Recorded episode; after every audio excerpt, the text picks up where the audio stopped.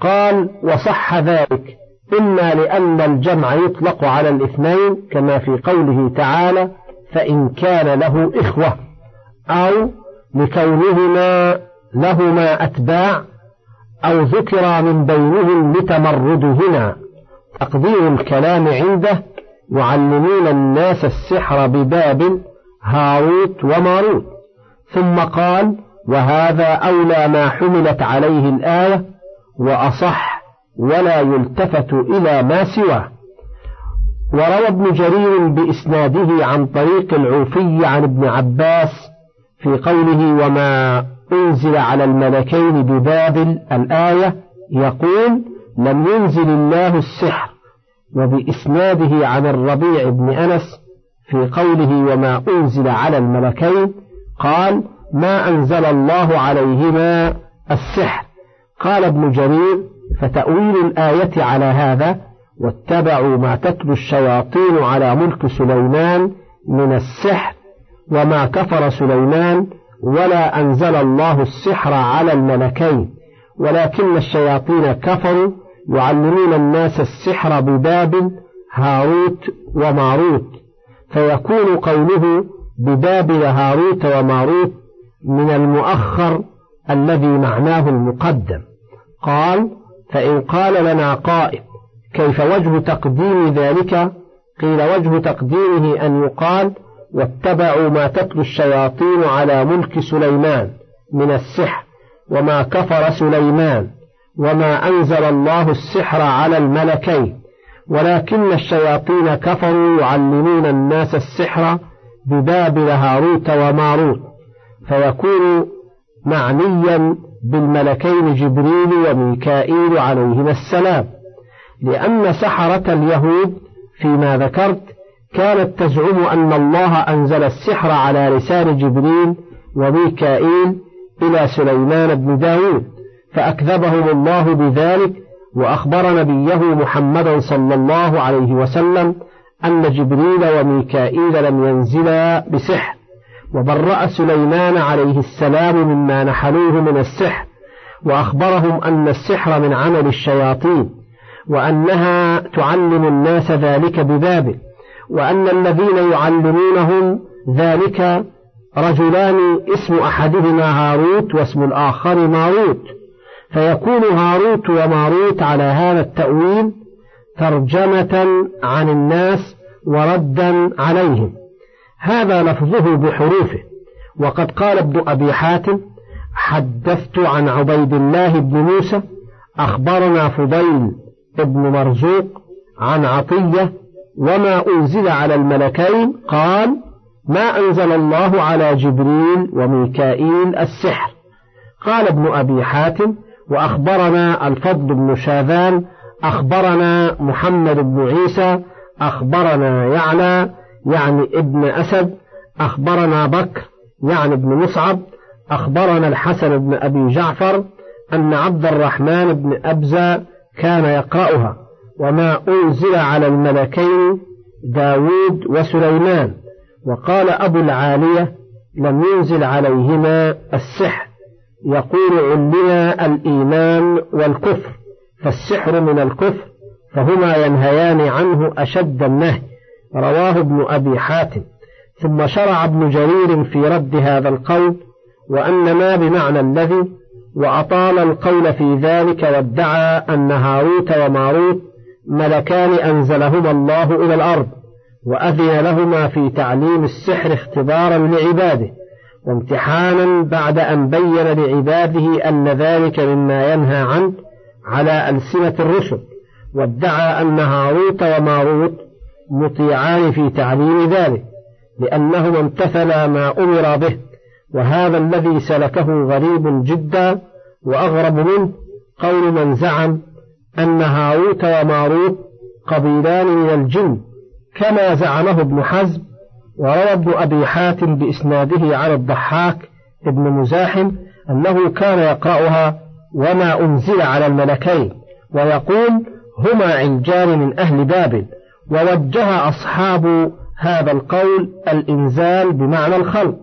لا بمعنى الإيحاء كما في قوله تعالى وما أنزل على الملكين كما قال تعالى وأنزل لكم من الأنعام ثمانية أزواج وأنزلنا الحديد فيه بأس شديد وينزل لكم من السماء رزقا.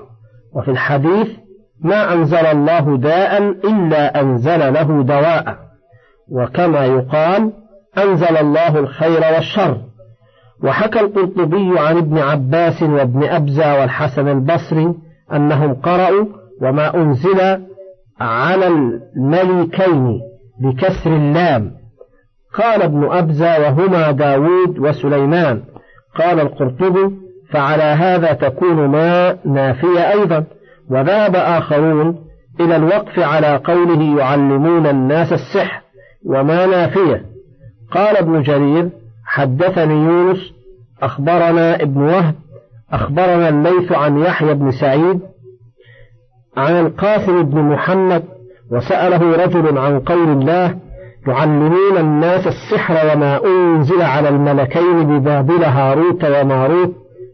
فقال الرجلان يعلمان الناس ما أنزل عليهما ويعلمان الناس ما لم ينزل عليهما. فقال القاسم ما أبالي أيتهما كانت. ثم روي عن يونس عن أنس بن عياض عن بعض أصحابه أن القاسم قال في هذه القصة لا أبالي أي ذلك كان إني آمنت به. وذهب كثير من السلف إلى أنهما كانا ملكين من السماء وأنهما أنزلا إلى الأرض فكان من أمرهما ما كان. وقد ورد في ذلك حديث مرفوع رواه الإمام أحمد في مسنده رحمه الله كما سنورده إن شاء الله. وعلى هذا فيكون الجمع بين هذا وبين ما ورد من الدلائل على عصمة الملائكة أن هذين سبق في علم الله لهما هذا فيكون تخصيصا لهما فلا تعارض حينئذ كما سبق في علمه من أمر إبليس ما سبق. وفي قول إنه كان من الملائكة لقوله تعالى وإذ قلنا للملائكة اسجدوا لآدم فسجدوا إلا إبليس أبى. إلى غير ذلك من الآيات الدالة على ذلك مع أن شأن هاروت مع أن شأن هاروت وماروت على ما ذكر أخف مما وقع من إبليس لعنه الله تعالى. وقد حكاه القرطبي عن علي وابن مسعود وابن عباس وابن عمر وكعب الأحبار والسد والكلب. ذكر الحديث الوارد في ذلك إن صح سنده ورفعه وبيان الكلام عليه.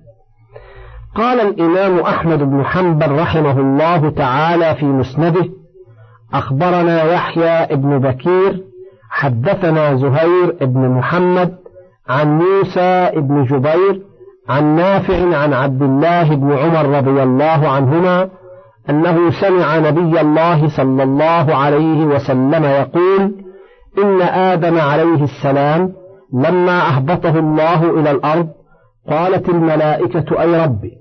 أتجعل فيها من يفسد فيها ويسفك الدماء ونحن نسبح بحمدك ونقدس لك؟ قال إني أعلم ما لا تعلمون. قالوا ربنا نحن أطوع لك من بني آدم. قال الله تعالى للملائكة هلموا ملكين من الملائكة حتى حتى نهبطهما إلى الأرض. فننظر كيف يعملان. قالوا ربنا هاروت وماروت فأهبطا إلى الأرض ومثلت لهما الزهرة امرأة من أحسن البشر فجاءتهما فسألاها نفسها فقالت لا والله حتى تتكلما بهذه الكلمة من الإشراك فقال والله لا نشرك بالله شيئا أبدا فذهبت عنهما ثم رجعت بصبي تحمله فسألاها نفسها. فقالت لا والله حتى تقتلا هذا الصبي. فقال لا والله لا نقتله أبدا. فذهبت ثم رجعت بقدح خمر تحمله فسألاها نفسها فقالت لا والله حتى تشرب هذا الخمر. فشربا فسكر فوقع عليها وقتل الصبي. فلما أفاق قالت المرأة والله ما تركتما شيئا أبيتماه علي إلا قد فعلتماه حين سكرتما. فخيرا بين عذاب الدنيا وعذاب الآخرة فاختارا عذاب الدنيا. وهكذا رواه أبو حاتم ابن حبان في صحيحه عن الحسن عن سفيان عن أبي بكر بن أبي شيبة عن يحيى بن بكير به. وهذا حديث غريب من هذا الوجه ورجاله كلهم ثقات من رجال الصحيحين إلا موسى بن جبير هذا وهو الأنصاري السلمي مولاهم المديني الحذاء. وروي عن ابن عباس وأبي أمامة ابن سهل بن حنيف ونافع وعبد الله بن كعب بن مالك وروى عنه ابنه عبد السلام وبكر بن مضر وزهير بن محمد وسعيد بن سلمة وعبد الله بن لهيعة وعمرو بن الحارث ويحيى بن أيوب وروى له أبو داود وابن ماجه وذكره ابن أبي حاتم في كتاب الجرح والتعديل ولم يحك فيه شيئا من هذا ولا هذا فهو مستور الحال وقد تفرد به عن نافع مولى ابن عمر عن ابن عمر رضي الله عنهما عن النبي صلى الله عليه وسلم وروي له متابع من وجه آخر عن نافع وروى له متابع من وجه آخر عن نافع كما قال ابن مردويه حدثنا دعلج ابن أحمد حدثنا هشام بن علي بن هشام حدثنا عبد الله بن رجاء حدثنا سعيد بن سلمة حدثنا موسى بن سرجس عن نافع عن ابن عمر سمع النبي صلى الله عليه وسلم يقول فذكره بطوله. وقال أبو جعفر بن جرير رحمه الله حدثنا القاسم أخبرنا الحسين وهو سنيد بن داود صاحب التفسير أخبرنا الفرج بن فضالة عن معاوية بن صالح عن نافع قال سافرت مع ابن عمر فلما كان من آخر الليل قال يا نافع انظر طلعت الحمراء قلت قلت لا مرتين أو ثلاثا ثم قلت قد طلعت. قال لا مرحبا بها ولا أهلا. قلت سبحان الله نجم مسخر سامع مطيع. قال ما قلت لك إلا ما سمعت من رسول الله صلى الله عليه وسلم. أو قال قال لي رسول الله صلى الله عليه وسلم إن الملائكة قالت يا رب كيف صبرك على بني آدم في الخطايا والذنوب؟ قال إني ابتليتهم وعافيتكم. قالوا لو كنا مكانهم ما عصيناك. قال فاختاروا ملكين منكم. قال فلم يألوا جهدا أن يختاروا فاختاروا هاروت وماروت وهذان أيضا غريبان جدا. وأقرب ما يكون في هذا أنه من رواية عبد الله بن عمر عن كعب الأحبار لا عن النبي صلى الله عليه وسلم كما قال عبد الرزاق في تفسيره عن الثوري عن موسى بن عقبة عن سالم عن ابن عمر عن كعب الأحبار. قال ذكرت الملائكة أعمال بني آدم وما يأتون من الذنوب فقيل لهم اختاروا منكم اثنين فاختاروا هاروت وماروت فقال لهما إني, إني أرسل إلى بني آدم رسلا وليس بيني وبينكم رسول. انزلا لا تشركا بي شيئا ولا تزنيا ولا تشربا الخمر. قال كعب فوالله ما أمسيا من يومهما الذي أهبطا فيه حتى استكملا جميع ما نهي عنه. رواه ابن جرير من طريقين عن عبد الرزاق به ورواه ابن أبي حاتم عن أحمد بن عصام عن مؤمن عن سفيان الثوري به ورواه ابن جرير أيضا حدثني المثنى أخبرنا المعلى وهو ابن أسد أخبرنا عبد العزيز بن المختار عن موسى بن عقبة حدثني سالم أنه سمع عبد الله يحدث عن كعب الأحبار فذكره فهذا أصح وأثبت إلى عبد الله بن عمر من الإسنادين المتقدمين. وسالم أثبت في أبيه من مولاه نافع فدار الحديث ورجع إلى نقل كعب الأحبار عن كتب بني إسرائيل والله أعلم. ذكر الآثار الواردة في ذلك عن الصحابة والتابعين رضي الله عنهم أجمعين. قال قال ابن جرير حدثني المثنى حدثنا الحجاج أخبرنا حماد عن خالد الحذاء عن عمير بن سعيد قال سمعت عليا رضي الله عنه يقول كانت الزهرة امرأة جميلة من أهل فارس وإنها خاصمت إلى الملكين هاروت وماروت فراوداها عن نفسها. فأبت عليهما إلا أن يعلماها الكلام الذي إذا تكلم به أحد يعرج به إلى السماء. فعلماها فتكلمت به فعرجت إلى السماء فمسخت كوكبا. وهذا الإسناد رجاله ثقات وهو غريب جدا. وقال ابن أبي حاتم أخبرنا الفضل بن شاذان أخبرنا محمد بن عيسى أخبرنا إبراهيم بن موسى أخبرنا معاوية عن أبي خالد عن عمير بن سعيد عن علي رضي الله عنه قال هما ملكان من ملائكة السماء يعني وما أنزل على الملكين ورواه الحافظ أبو بكر ابن مردويه في تفسيره بسنده عن مغيث عن مولاه جعفر بن محمد. عن أبيه عن جده عن علي مرفوعا. وهذا لا يثبت من هذا الوجه. ثم رواه من طريقين آخرين عن جابر عن أبي الطفيل عن علي رضي الله عنه قال قال رسول الله صلى الله عليه وسلم لعن الله الزهرة فإنها هي التي فتنت الملكين هاروت وماروت. وهذا أيضا لا يصح وهو منكر جدا والله أعلم. وقال ابن جرير حدثني المثنى ابن إبراهيم أخبرنا الحجاج بن منهال حدثنا حماد عن علي بن زيد عن أبي عثمان النهدي عن ابن مسعود وابن عباس أنهما قالا جميعا لما كثر بنو آدم وعصوا دعت الملائكة عليهم والأرض والجبال. ربنا لا تمهمهم فأوحى الله إلى الملائكة إني أزلت الشهوة والشيطان من قلوبكم وأنزلت الشهوة والشيطان في قلوبهم. ولو نزلتم لفعلتم أيضا. قال فحدثوا أنفسهم أن لو ابتلوا اعتصموا.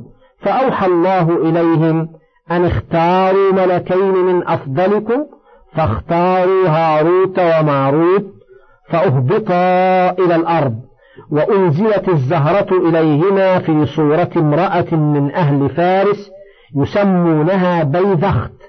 قال فوقعا بالخطيئة فكانت الملائكة يستغفرون للذين آمنوا ربنا وسعت كل شيء رحمة وعلما. فلما وقعا بالخطيئة استغفروا لمن في الأرض ألا إن الله هو الغفور الرحيم. فخيروا بين عذاب الدنيا وعذاب الآخرة فاختاروا عذاب الدنيا. وقال ابن أبي حاتم أخبرنا أبي أخبرنا عبد الله بن جعفر الرقي أخبرنا عبد الله يعني ابن عمرو عن زيد بن أبي أنيسة عن المنهال بن عمرو ويونس بن خباب عن مجاهد قال كنت نازلا على عبد الله بن عمر في سفر فلما كان ذات ليلة قال لغلامه انظر هل طلعت الحمراء لا مرحبا بها ولا أهلا ولا حياها الله هي صاحبة الملكين. قالت الملائكة يا ربي كيف تدع عصاة بني آدم؟ وهم يسفكون الدم الحرام وينتهكون محارمك ويفسدون في الأرض. قال إني ابتليتهم فلعلي إن ابتليتكم بمثل الذي ابتليتهم به فعلتم كالذي يفعلون. قالوا لا. قال فاختاروا من خياركم اثنين فاختاروا هاروت وماروت. فقال لهما إني مهبطكما إلى الأرض. وعاهد إليكما ألا تشركا ولا تزنيا ولا تخونا فأهبطا إلى الأرض وألقي عليهما الشهوة وأهبطت لهما الزهرة في أحسن صورة امرأة فتعرضت لهما فراوداها عن نفسها فقالت إني على دين لا يصح لأحد أن يأتيني إلا من كان على مثله قال وما دينك قالت المجوسية قال الشرك هذا شيء لا نقربه. فمكثت عنهما ما شاء الله تعالى ثم تعرضت لهما فراوداها عن نفسها. فقالت ما شئتما غير أن لي زوجا وأنا أكره أن يطلع على هذا مني فأفتضح. فإن أقررتما لي بديني وشرطتما لي أن تصعدا بي إلى السماء فعلت. فأقرا لهما بدينها وأتياها فيما يريان ثم صعدا بها إلى السماء. فلما انتهيا بها إلى السماء اختطفت منهما وقطعت أجنحتهما فوقعا خائفين نادمين. يبكيان وفي الأرض نبي يدعو بين الجمعتين فإذا كان يوم الجمعة أجيب. فقال لو أتينا فلانا فسألناه فطلب لنا التوبة فأتياه فقال رحمكم الله كيف يطلب التوبة أهل الأرض لأهل السماء؟ قال إنا قد ابتلينا. قال ائتياني يوم الجمعة فأتياه.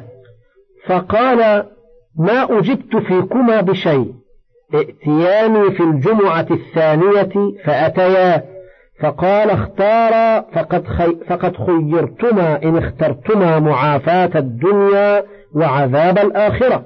وإن أحببتما فعذاب الدنيا وأنتما يوم القيامة على حكم الله.